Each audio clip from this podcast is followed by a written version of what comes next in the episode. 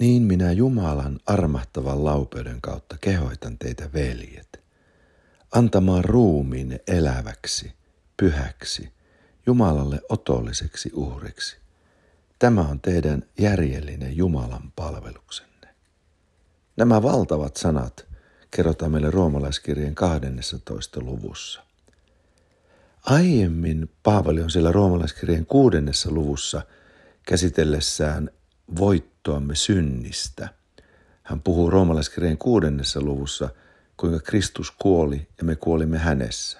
Hänet haudattiin, meidät haudattiin hänessä. Hänet nostettiin ylös kuolleista, meidät nostettiin ylös kuolleista hänessä. Ja me olemme nyt eläviä Jumalalle, kuolleita synnille. Niin hän siinä aiemmin on sanonut näin, antakaa itsenne kuolleista eläviksi tulleina Jumalalle ja jäsenenne vanhuskauden aseiksi Jumalalle. Siis koska te olette eläviä, te voitte tämän tehdä.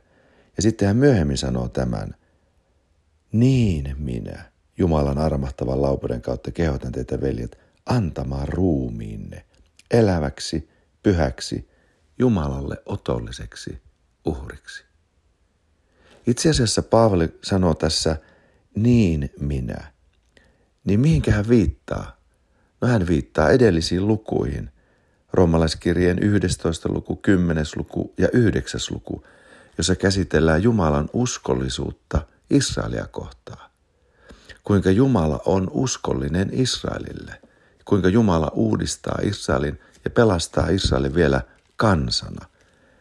Ja nämä sanat meidän ruumiimme antamisesta Jumalalle itse asiassa hakevat voimansa näistä ihmeellisistä sanoista.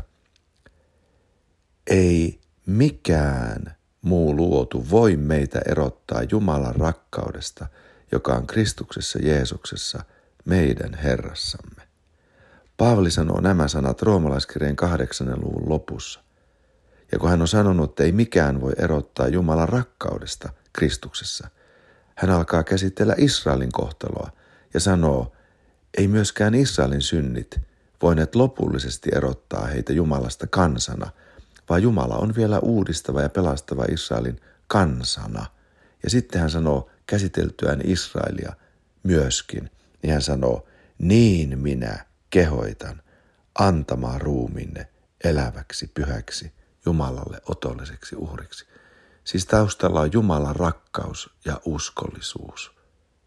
Se, että meidät on tehty eläväksi Kristuksessa. Tämä on ihana. Tämä on tosi voimakas raamatun kehoitus ja itse asiassa ilmoitus. Antakaa ruumiinne. Siis voiman tähän Paavali hakee edeltävistä luvuista. Alun perin raamatussa ei ollut kappalejakoa eikä eikä näiden jakeiden numeroita, vaan se on ollut yhtä tekstiä. Niin sieltä Paavali päätyy näihin sanoihin, minä kehoitan, niin minä kehoitan. Ja sitten siitä seuraa jotain. Tämä roomalaiskirjan 12. luvun jaa yksi kehotus ruumiin antamisesta Jumalalle. Se tulee sieltä taustasta ja kulminoituu tähän, mutta se jatkuu. Tästä seuraa myös jotain. Älkää mukautuko tämän maailman ajan mukaan, vaan muuttukaa mielenne uudistuksen kautta. Jos ei anna ruumistaan Jumalalle, ei myöskään mielen maailma pääse uudistumaan siihen pisteeseen asti, että se alkaisi voima vaikuttaa ihmisessä. Nämä kulkevat yhdessä. Ei voi ottaa vastaan parannuksen lahjaa ja muuttua mieleltään ilman, että siitä seuraa ruumiinsa antaminen. Jumalalle. Ja kun antaa ruumisen Jumalalle, mieli pääsee uudistumaan. Nämä kulkevat yhdessä. Molemmat tulee saavuttaa Kristuksessa Jumalan pyhähengen tekona, suostua tähän. Ja kun ihminen suostuu ruumiinsa antamiseen, mielen maailma alkaa muuttua. Ja kun mieli uudistuu, sitten vasta pääsee tutkimaan, mikä on Jumalan tahto, hyvää otollista ja täydellistä. Monihan haluaisi tietää Jumalan tahdon kohdallensa, mutta kysymys kuuluu, oletko sinä valmis tekemään Jumalan tahdon? Eihän Jumala ilmoita tahtoansa, jos ei ole valmiutta tehdä sitä. ja valmius tehdä se on jo itsessään pyhän hengen teko. Mutta se, val- se edellyttää valintaa ja ratkaisua, kun Jumala on lähestynyt ihmistä, Jumalan lasta. Jumalan lapsen tulee vastata kyllä pyhän hengen tekoon. Ja se on suloista, sillä tästä seuraa, että myöskin saa tietää sen uskon määrän, minkä Jumala on itse kullekin lahjoittanut. Katsotaan vielä uudestaan. Roomalais 12.1. Anna ruumis eläväksi pyhäksi Jumalalle otolliseksi uhriksi. Mieli alkaa uudistua. Saa tietää, mikä on Jumalan tahto, hyvää, otollista ja täydellistä.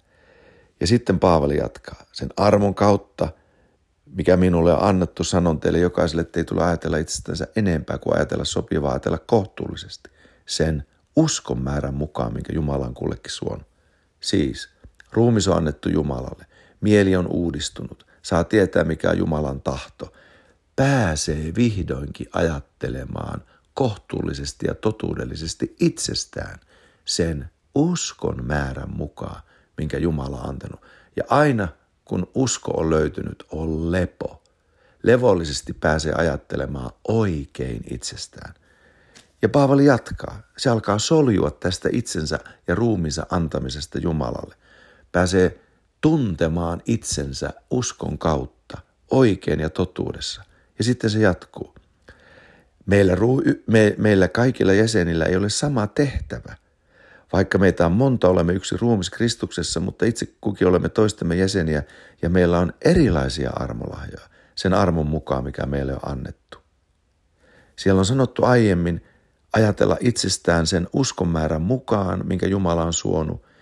Ja tämä uskon määrä, tämä kohtuullinen, oikea, totuudellinen ajattelu antaa löytämään oman paikkansa Kristuksen ruumissa. Siellä sanotaan sitten, jos jollekin on profetoimisen lahja, käyttäkö sitä sen mukaan, kun hänellä uskoa on. Jos virka, pitääkö virastaa vaari.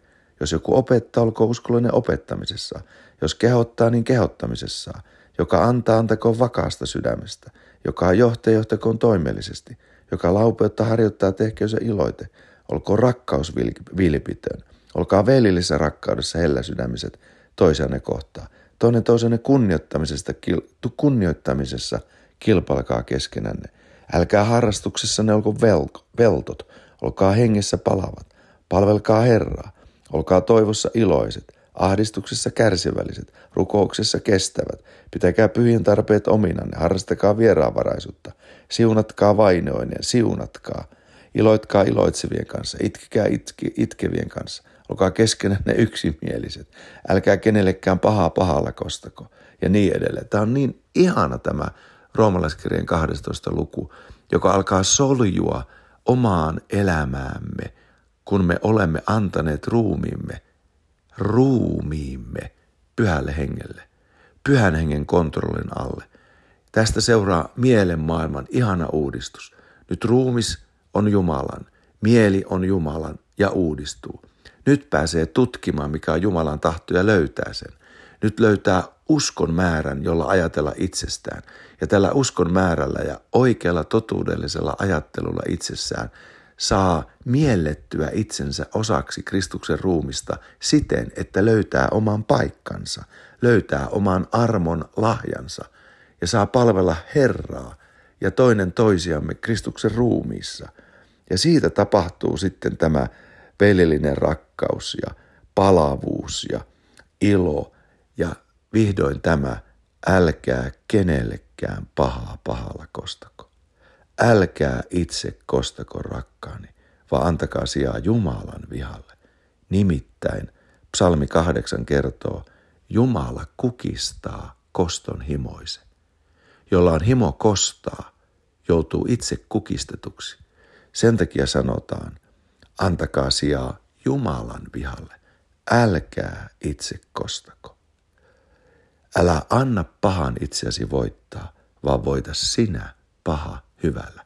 Kaikki nämä ihanat lahjat soljuvat elämäämme yksityisesti ja yhdessä toinen toistemme kanssa, kun jokainen meistä on antanut ruumiinsa kuolleista eläväksi tulleena Jumalalle, pyhäksi, otolliseksi, uhriksi.